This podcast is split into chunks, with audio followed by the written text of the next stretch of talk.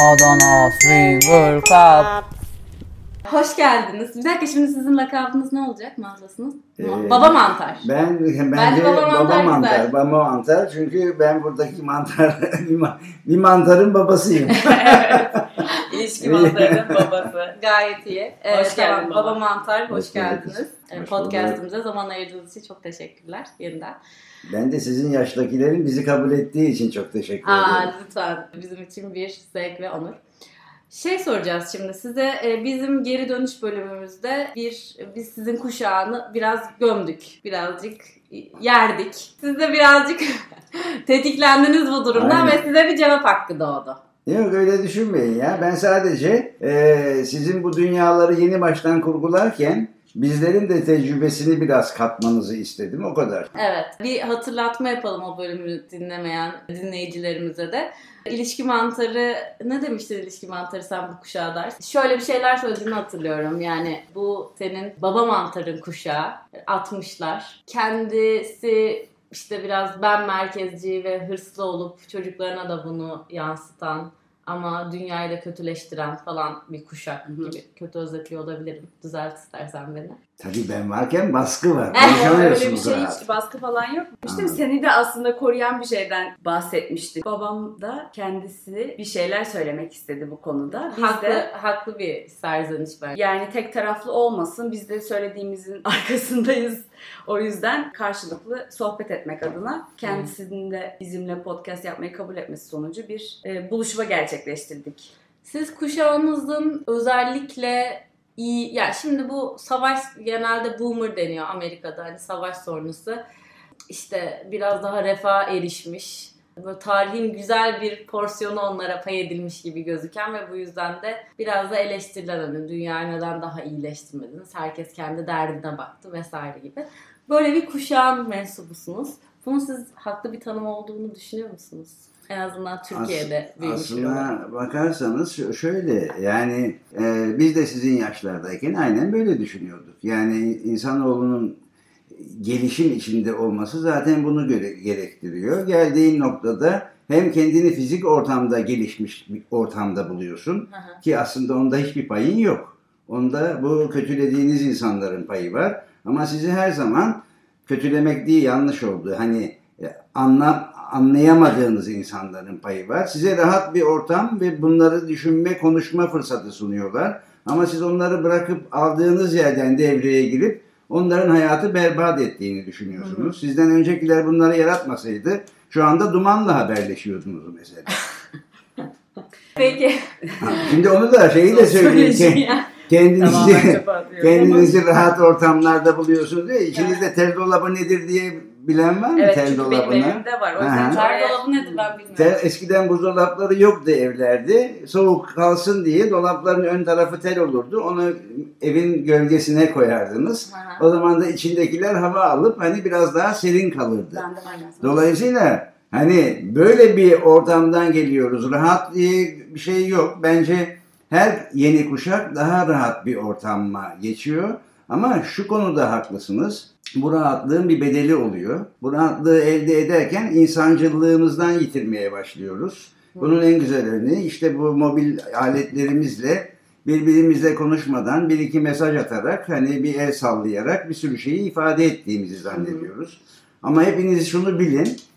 e, kelimeler karşıda bakacak bir yüz yoksa çok anlamsızdır. İstediğiniz kadar yazın. Onun karşısında ifade ettiği anlamı göremezseniz bir işe yaramaz. Dolayısıyla biz şu açıdan sizden daha iyiydik tabii ki. Biz telefonda sabah randevulaştık mı o randevu yerine gelmek zorundaydı. Bir daha vazgeçmek, bilmem ne yapmak gibi şanslarımız yoktu. Ama siz şu anda her şeyden vazgeçip, her şeyi anında haberleşip, bir sürü şeyi de çabuk yitirme hakkına sahipsiniz. Ben de şimdi sizlere bakınca ya bunlar hani her şeyi rahatını buldular niye bu kadar şikayetçiler bazı şeylerden diye düşünebilirim. Maksat Anladım. eleştirmekse. Tabii tabii haklısınız.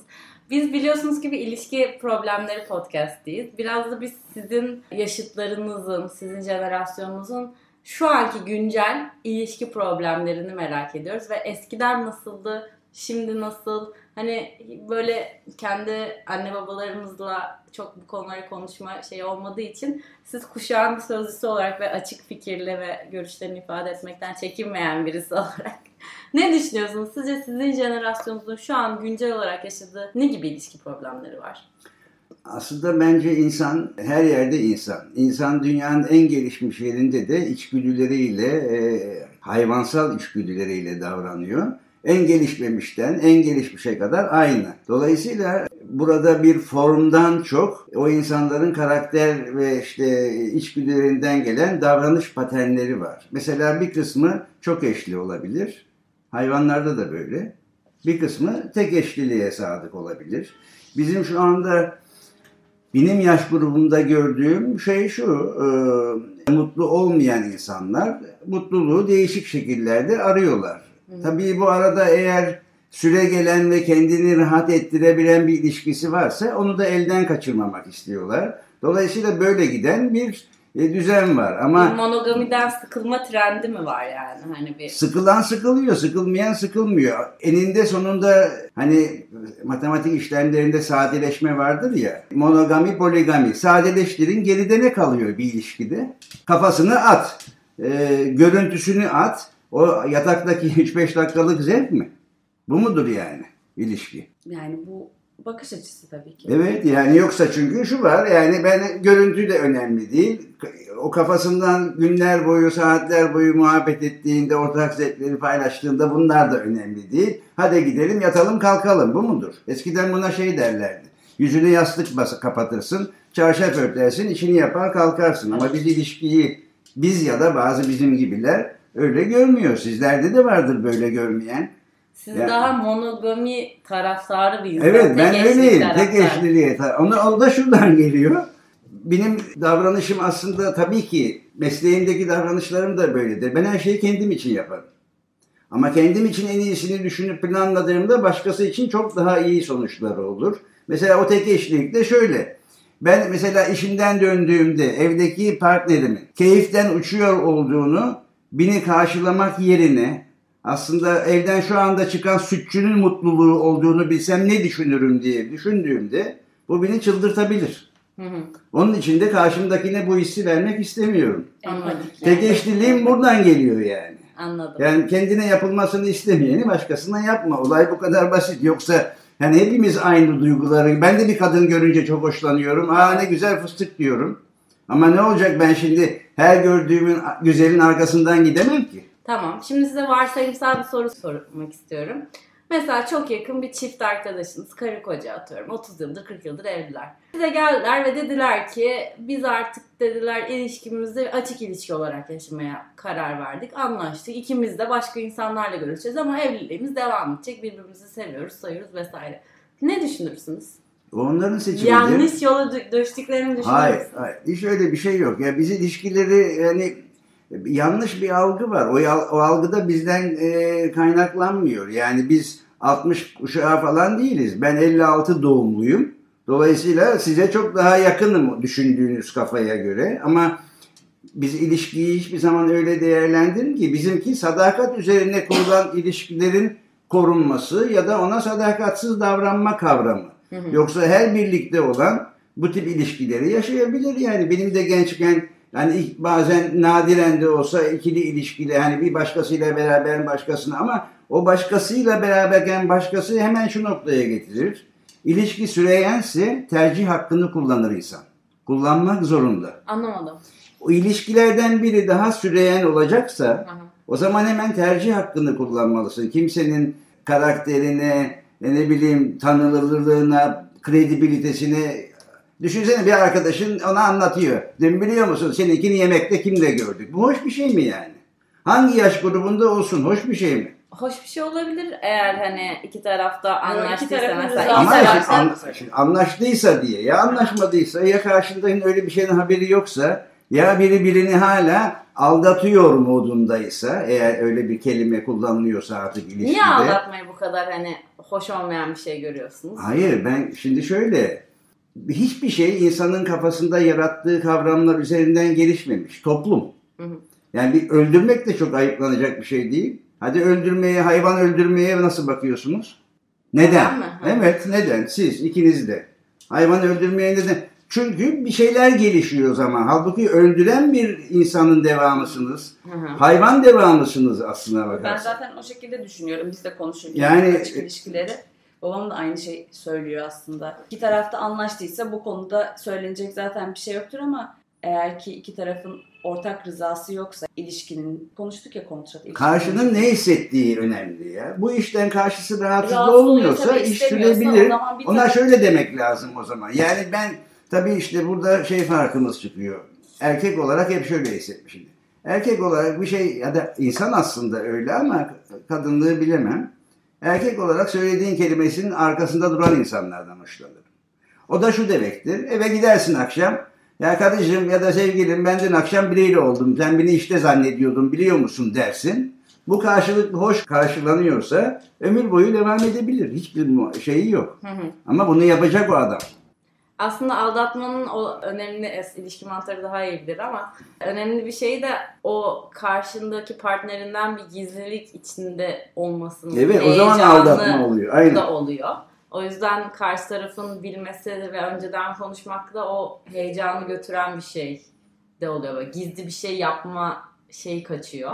O yüzden de yani biraz da aldatmanın doğasına aslında yani heyecanını götürecek bir şey olduğu için biraz doğasına aykırı da bir şey oluyor aslında önceden anlaşmak ve söylemek bazen. Bu heyecan heyecanı sadece insan ilişkisi olarak almayın. Bu heyecan şu anda aslımızda tonlarca kadın erkek ilişkisinin temel nedeni olan seksüalitenin gerçekleşmesi için bile önemli bir faktör. O heyecanı hissetmiyorsa çoğu insanlar, onun için de çoğu insan bence bence yani değil işin tabii bir tarafı da var tabii.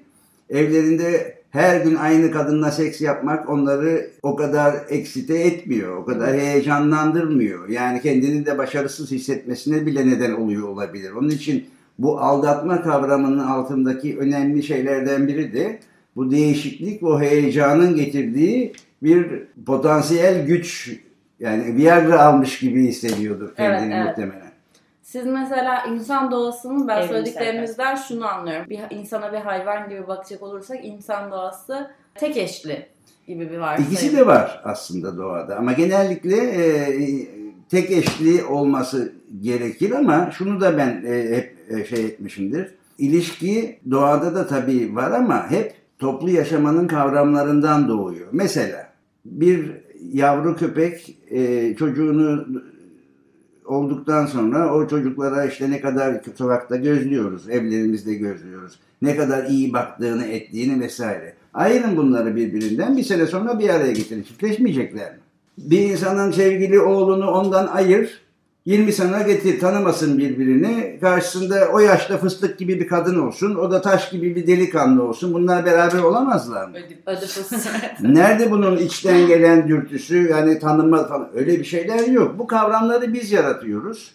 Toplumlarımıza göre kavramlar var. Bunları biraz da kendimize göre yontup uygulamaya çalışıyoruz. Buradan anlamlar çıkarıyoruz. Buradan ikili ilişki, karşıya saygı, e, düşmemesi gereken yer, düşürülmemesi gereken yer gibi durumlar alıyoruz. O bizim kuşağımızın sorunu değil.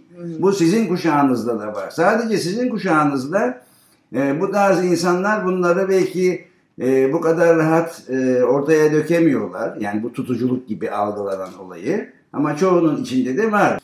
Sizin kuşağınızda mesela şimdi bizim kuşağımızın e, ilişki problemleri hep şey etrafında dönüyor. İşte biri onunla olmak istiyor. Yani biri uzun vadeli bir e, birliktelik istiyor. Diğeri o kadar hani tırnak içinde ciddi düşünmüyor. Ya da işte fakbadilik diye bir şey var mesela. Hiçbir fazla böyle sevgili gibi olmayıp Yani onları sadece biz de seks biliyoruz yaptı. ya. Ha, bu ya, bunlar- Bunlar yani ne ya demek? mesela özel olarak böyle fakbadilik sizin gençliğinizde ya da şu anda yaygın olan bir şey Bu arada miydi? ben bir Nasıl şey bir istiyorum. deneyimdi? Biz bunu Fakbadilik bölümünde konuşurken Fakbadiliğin şimdi isminin Fakbadilik olduğundan aslında Evet. Her Her zaman zaman olduğundan Bir bahsetmiştik. gecelik ilişki kavramına fakma Hayır, dilsiniz. bir gecelik ilişkiyle fakbadilik arasında şöyle bir fark var. Onun devamlı olması. Ya arkadaş gibi- gel araba akşam beraber olalım küt küt Evet, küt hadi evet. eyvallah. Bu. Evet. Ama Ya olabilir. duygular duygular olmayacak. Hani böyle duyguların gelişmesine izin verilmeyecek falan. Ee, sizin sizin gençliğinizde ya da şu anınızda. Bu bizim gençliğimizde de aynen vardı. Hı hı. Ee, ama tabii e, bizim gençliğimizde hayat serbestisi bu kadar daha fazla olmadığı için etraf tarafından çok daha mercek altında oluyorsun. Hı hı. Ve zaten yaşanan ortamlar bu kadar yaygın değil, daha böyle e, toplu alanlar. E, dolayısıyla böyle ortamlarda bunu yapmak biraz daha zor olabilirdi. Bir de aynı yaşıtların tarafından bu gibi olayların da ağır eleştirisine maruz kalmak olurdu. Yani şimdi bunun iki tarafı var. Bazen insan bununla övünür. Hı hı. Çok gurur verici gibi alınabilir bir yerden baktığında. Ama bana kalınca çok gurur verici bir şey değil ya. Hı hı. Yani madem o kadar becerikliysen başka kadınlarla beraber ol her gece. Peki- Bu aciziyet mi yani? Hı hı. İkisinin de aciz olup başkalarını bulamamanın getirdiği bir ortak simbiyotik yaşam da olabilir bu. Hı hı. Halbuki ben hani çok bundan hoşlanıyorsam beraberliğini sürdür. Yok hoşlanmıyor bir gece oluyorsan ne zevkler vardır kim bilir daha dünyada. Onlarla tanış, onlarla dene yani. sana yani arkasında duramadığı bir şey gibi geliyor. Hayır, yani bu- şu pratik ve kolaylaştırıcı bir- bir şey tabii. Yani başka bir şey, işinin gücünün arasında uğraşmaktansa o da aynı şekilde daralınca arayıp gidip bir rahatlayıp aslında dönüyor. Bence olarak- baba mantarı şöyle şu daha başarılı geliyor. Hani her gece farklı bir kadını tavlamış olmak. Daha becerikli Evet, işi evet. şey değil mi Ama aslında evrimsel olarak öyle zaten. Doğru. Yani diğer diğer Peki Hani söylediğinizde Tembellik var onun içinde biraz. Ben- anladım. Yayma olarak bakarsan teorik olarak daha başarılı olur. Tabii ne kadar çok Evrimsel olarak kadınla. perspektiften. Evet. Peki Her çiçekten bal almak diyoruz. şöyle bir söylediğinizde şöyle bir varsayım da sezdim. Doğru mu sezdim bilmiyorum ama sanki hani kadın tarafı e, bu fuck body'lik ilişkisinde biraz daha bir, bir zaafı olması lazım. Yani buradan cinsel bir zevk çıkarından ziyade o adama karşı bir zaafı Hmm. olması lazım ki böyle bir şeye okey olsun gibi bir Bir e, kere işin içinde hani var mı? burada aramızda bir, bu işten anlayanlar var.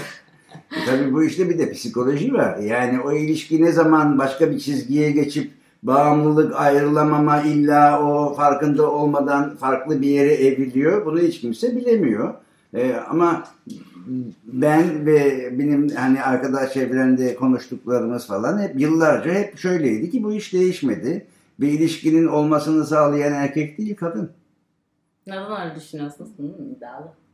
Yani kadının mesela bir erkek durduk yerde gidip onu bunun karısına sakmaz ki ama onun bunun karısı oradan bir çapkın bakış atar gider tuvalette buluşursun. İçeri seksizm, sosyolojik faktörler falan geldiğinde tartışma uzar gider ama yani en temelde Tabiatta da öyle. tabii, evet, yuvayı eşi Klişe- kadın seçer. daha doğrusu e, sürdürülebilir bir şekilde devam etmesini kadın sağlar erkekten daha çok. O ilişkiyi zaten devam ettiren de Aslında devam ettirmek bence ikili bir şeye dayanıyor. Çok zor iştir ilişki devam ettirmek ama e, bakın tabiata da bu çok klasik söylem de olsa erkekleri hayvanların daha güzellik üzerine, daha heybet üzerine kuruludur. Şu kuşlarla ilgisi bir belgesel var biliyorsunuz. Erkek kuşlar evet evet. kadın dişilerini beğendirmek için kendilerine girmedikleri hal, düzenlemedikleri yuva kalmıyor. Buradan da şu belli oluyor. Yani kadının seçiciliği ilişkiyi belirliyor. Farkında olsak da olmasak da. İnsan kendini ne kadar ça- çapkın zannederse zannetsin ki o da çok önemli. Ee, ama Aslında için tavlanın erkek oluyor mu diyorsun? tabii ki tavlanan erkek oluyor yani. Hmm. Bazı şey faktörleri çıkarmak gerekiyor tabii. Parayı çıkaracaksın. Hani diyeceksin ki bizim yaşta para önemli değil. Tamam. E, görür görmez bazı fiziki özellikleri de kaldırırsan yine de yani ikisini de vasata indirgersen kadın istemedi mi bir ilişki olmaz. Tabii ki erkek istemedi de mi olmaz. Ama erkeğin doğasından gelen bir şey isteme, onu kabul ettirme ya da reddedilme gibi bir şeyi var. Ya tabiatta Anladım. da böyle. Hayatınıza bakın hep böyledir yani. Bir de şu söylediğiniz bana biraz şey hatırlattı. Mesela erkek, benim çevremdeki erkek arkadaşlarım da atıyorum ona çok takıp aşık böyle onun için Kızlar var. evet mesela bir kız var ona böyle çok ilgi gösteriyor vesaire. O oraya çekiliyor. Ama mesela bir kadın için bu böyle çok bunaltıcı olabiliyor yani. Mesela o kadının çok obsesif, erkeğe çok takıntılı olduğu ilişki çok uzun sürebiliyor. Ama erkeğin böyle çok yapıştığı Evet. hani e, böyle ona çok hayran olduğu ilişkiler kadını biraz itiyor. Gibi de olabilir. Ya bu her zaman için öyle. Benim rahmet, rahmetli anneannem yani bizden iki kuşak daha öncesinden bahsediyorum. Bu ilişkiler üzerine şöyle bir Fransızcadan çeviri yapardı bana. Hayat böyledir. Kaçarsan kovalarım, kovalarsan kaçarım. Bunun bir dengesini kurmaktır ilişki. Buna şimdi Yani- ghosting diyor. Hani evet ama yani siz de şimdi böyle sanki her şey yeni baştan şey yapılıyor ve bunu bir sizin jenerasyon Yani farkındalık bunu yapmamak lazım. yaratıyor Bu psikolojik gibi. manipülasyon gibi anlatılıyor işte Bu arada şimdi. e, bu bakış açısını verdiğimizi de e, dinleyebilirsiniz. Özellikle birinci sezon diye geçen Ben- şeyde. Hayır şimdi ben sizinle verdiğinizden çok hani soru soruluyor ya soruda eski jenerasyonun kafasında da bu böyle Evet, yani evet. bu iş sizin sunduğunuz doğru bir kavramı sizin jenerasyon buldu falan Hayır değil. bizde Eskiden zaten de demek böyleydi. istediğim o bizde e, zaman gözetmeksizin aynı şeylerin sadece bu dönemde isimlerinin Değişti farklı olduğunu Evet. ya da kategorize etmek için, açıklamak için bir kalıbın içine sokulduğundan bahsediyoruz. Bir de şöyle de bir şey oluyor. Mesela ghosting denen bir şey var işte hayaletleme. Hı hı. İşte biriyle flört ediyorsunuz. Konuşuyorsunuz, konuşuyorsunuz. Bir anda muhabbet kesiliyor ve hani hayalet gibi davranmaya Davranıyor. başlıyor falan. Bu böyle bir psikolojik manipülasyon e, yöntemi olarak görülüyor mesela artık. Ama eskiden bu bir flört taktiğiymiş. Yani şu an okey değil bunu yapmak gibi bir şey Ama orada şey senin söylediğin hayvan öldürmenin de şimdi daha şey olması gibi evrim ve zaman içinde de bazı şeyler değişiyor. Ben burada böyle düşünüyorum. Evet, ben bunun bu arada yanlış olduğunu düşünmüyorum. Bir numaralı flört taktiğidir yani. evet sen öyle düşünüyorsun. ben orada Karşı tarafın ilgisini çekmek için fikirdeyim. Gizem şey olması. Yani niye birdenbire bıraktı beni benimle konuşmayı? Evet, niye evet. beni arıyordu da artık Evet, evet. ilgilendiriyor? Olay var. İşte aynen yani. O demek ki o Fransızca söz aynı olay. Ama şey. işte şimdi o bir e, şiddet e, türü olarak ele alınıyor. Yani biz bunu konuşmuştuk biraz. psikolojik şiddet. Şiddet öğesi olarak bir tokat gibi bir şey aslında. Sadece kontekst içinde değerlendirilmesi lazım. Yani hangi şeyde oluyor. Yani bunu devamlı olarak karşı tarafı kullanıyorsa, daha toksik bir taraftan kullanıyorsa şey olabilir. Hani bazen de konuştuğumuz gibi gerçekten istemiyor ve yüzleşmekten de kaçıyor olabilir. Evet. Bir kere hiçbir insan terk edilmek, hiçbir insan horlanmak, aşağılamak istemez.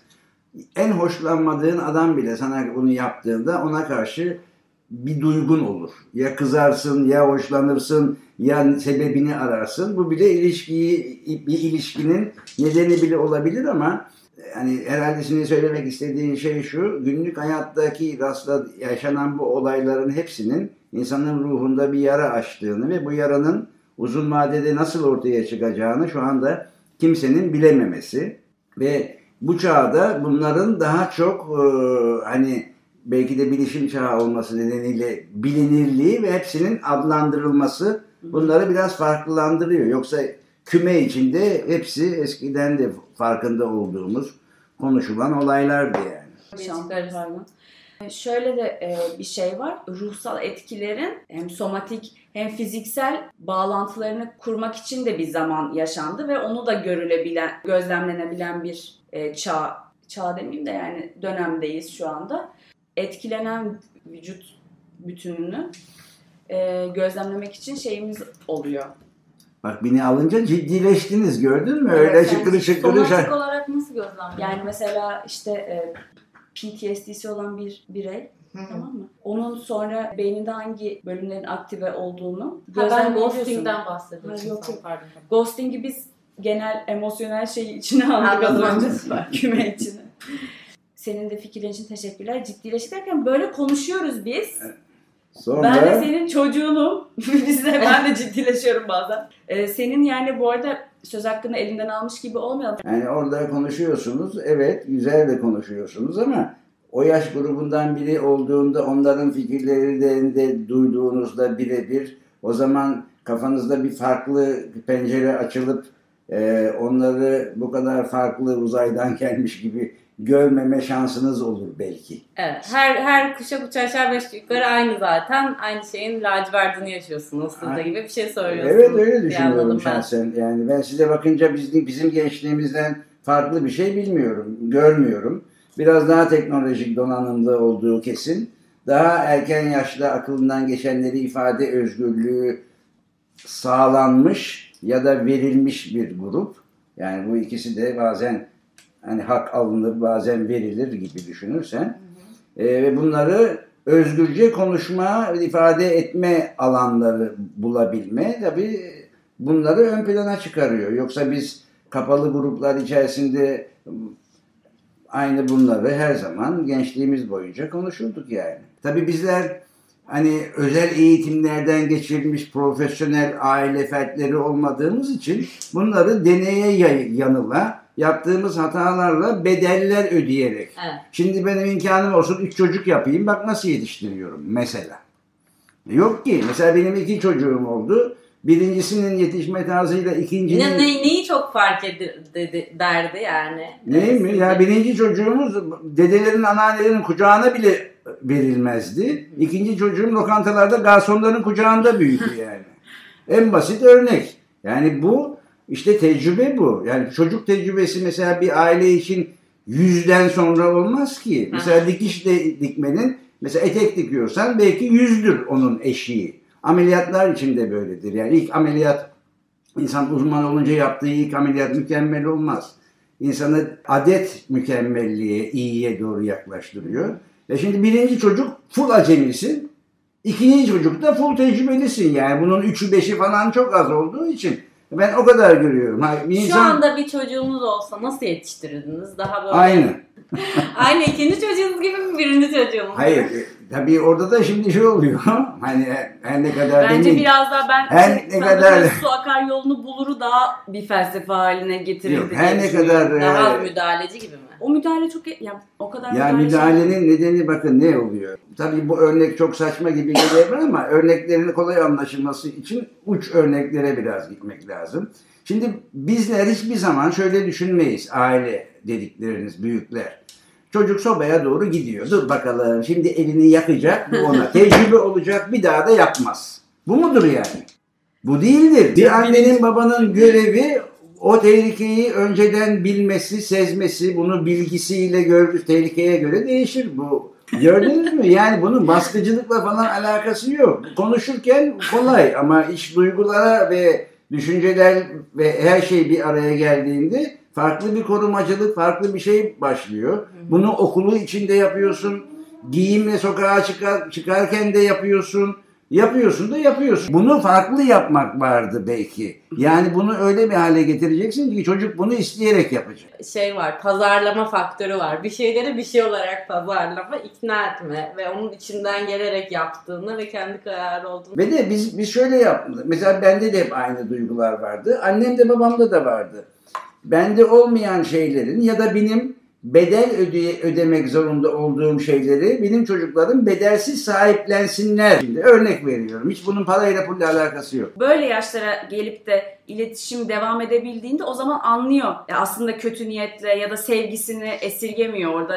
Yani e, benim gördüğüm çevre ailelerin ki buna biz de dahiliz e, bireysel hatalara rağmen sevgide hiçbir eksiklik yoktur genellikle. Hani ben özele fazla Tamam. girmek istemiyorum. Sizin vereceğiniz örnek ne? Örnek şuydu. e, Ben mesela bizim ailede yılbaşları çok önemliydi. Ve ben üniversitenin belli dönemlerine kadar yılbaşı eski senenin 12'si olmadan evden çıkamazdım. Düşünsene bütün hafta bir kafanda belli planlar var. O gece gidip bir kızı tavlayacaksın. Saat 12'ye kadar kız gitmiş. Anladın? Şimdi bu örnek- Can sıkar. bu bu beni öyle bir hale getirdi ki mesela ben yıllardır işte e, mantar burada mantarcık yani neticede e, yılbaşını ailede bir hafta önce tüm aile kutlayacaksak onu kutlayalım. Evet. Herkes o- orada Gerçekten. programını kendi yapsına. Fakat bu ne kaybettiriyor insana ona da geleyim. Mesela İtalyan ailelerinde falan görürsün. Hep beraber toplanırlar bir masanın etrafında. Herkes orada olmaktan mutlu olur, eğlenir vesaire. Bu duyguyu kaybettiriyor. Çünkü çocuğa bunu böyle verdiğin zaman o da bunu bu benim hakkım ya, bu benim özgürlüktür diyor. Halbuki işte bu ikisinin arasında nasıl harmanlanır? Evet, evet. Bunu harmanlamak lazım. Genelde ebeveynlikte zaten şöyle bir içgüdü oluyor. İşte bana şöyle yaptılar ve hiç hoşuma gitmedi. Onun tam tersini Aynen. yapacağım. Ve yalpalıyoruz. Aslında o arada bir yerde belki olmak gerekiyor ama o birazcık tepkisellikten aradaki dolayı savrulmayı işte beni çok baskıladılar ben çocuğumu çok özgür bırakacağım ya da çok Aynen. ders O da farklı çalıştırdılar bir ben problem. Her sistem kendi problemini üretiyor sonuç olarak. Yani Hı hı. öyle bir, İşte bir ölçü- yol daha doğru değil. Bakın hayatımızda çoğu şeyin ölçüsü var. Yani bir şey alıyorsun metre elinde tak bakıyorsun 82 santim. Tamam bu buraya sığar. Bunun bir ölçüsü yok. Nasıl davranacağını. Yani bakın ben size bir şey Ama bir şey söyleyeyim mi? Bak- Bunu zaten e, eğer bir yolu var diye söyleyen varsa o Ben e, örneğin reklam yapıyor. hani sen o anda o sorunlara sahip değilsen ama buna istediğin gibi Hakem akıl verebilirsin. Çok teşekkürler. Eğer Kapatıyor muyuz? e, yani kapatabiliriz. Zengin kalkıyor. Editi ben yapacağım gibi bir Tamam. Dakikayı da gördüm. Baba mantara söz verelim. Sizin Evet söz. E. Ben şunu da bir jenerasyonlar temsilcileri olarak herkes kendi kuşağın temsilcisi olarak şunu söylemek istiyorum. Bizim bazı şeyleri rahatça konuşup ifade edebilmemizin bizim üzerimizde bir iyileştirici etkisi o- olduğunu bunlar ters de gelse ya da farklı da gelse bizim üzerimizde iyileştirici bir Etkisi var. etkisi var ve e, mesela yapılan hataları da e, elimine eden bir tarafı oluyor. O yüzden biz kendimizle ilgili başka daha üst yaşı insanlara göre daha fazla konuşan bir jenerasyon olabiliriz. İfade özgürlüğü o da tartışılır da bizim şeyde yani linç kültürü var. Neyse pozitif bir etkisi oluyor çoğu zaman. İlla birini e, eleştirmek, şey yapmak gibi değil de sanki içindekini Dökmek. dökmek, taşlarını bırakıp biraz rahatlama gibi bir etkisi oluyor. Yani belki onu adımıza söyleyebilirim ben. Evet bir insanın zaten anne babasını sonsuza kadar suçlayabilir yani hayatında yaptığı şeyler için. Orada sonsuz bir menba var işte Aynen. 3 yaşındayken ona şöyle dedi. Hani herkes Evet. kendi anne babası için bunu yapabilir diye düşünüyorum. Ee, o yüzden e, kişisel almamak lazım. evet. Diyor canım kişiler almak meselesi değil. Yani burada kişi aslında yani ben değil ki burada kişi aslında bütün anne babalar, bütün farklı jenerasyon farkları yani biz yani onların da farklı türde Bakabilirsin. baktığın zaman eee, herkesin aslında biraz farklı makyaj, biraz farklılıkla aynı insanlar olduğunu görebilirsin. Yani şimdi e, bu mantar bana çok benzer. Her ne kadar ben daha büyük şişe ağzını söyledi. tıkayabiliyorsam da ben neysem aslında o. Olaylara karşı tepkileri öyle hani bunu e, şu anda ben de mesela o yaştayken e, öyle az kontrol etme becerilerim varken zamanla bazı şeyleri daha iyi kontrol ediyorsun. Ama model aynı model. E şimdi model bu kadar aynı model oluyorsa annem babam ben, benim dedem annem falan bu- bunu yani o üstteki kelimelerin altını falan kazın, kazıdığında içinde aynı cevher var içinde. Ve o cevher çoğu olay karşısında inan ki e, aynı tepkiyi verecektir. Hı hı. Yani insanları belirti- belirleyen genetik kodlar tarafından belirlenen bir e, evrime tabiiz. Burada dış görüşümüz biraz değişebiliyor. Dış dünyalarla etkileşip yöntem kullandığımız yöntemleri değiştiriyoruz. Ama karar verici sistem mekaniği aynı. Onun için hiç değişmeyecek. İstediğin kadar annene babana e, hani e, şey et, Giydir. kendini giydir. E, şunu beklemen lazım o çocuk bu yaşa gelecek. Ve ondan sonra o sana nasıl bakacak, sen ona nasıl bakacaksın, ne hissedeceksin. Bu hayatın değişmez bir döngüsü yani. Güzel.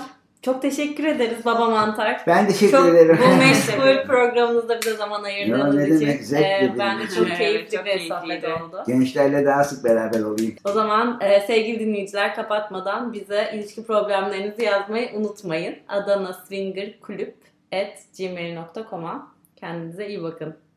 Görüşürüz. Hoşçakalın.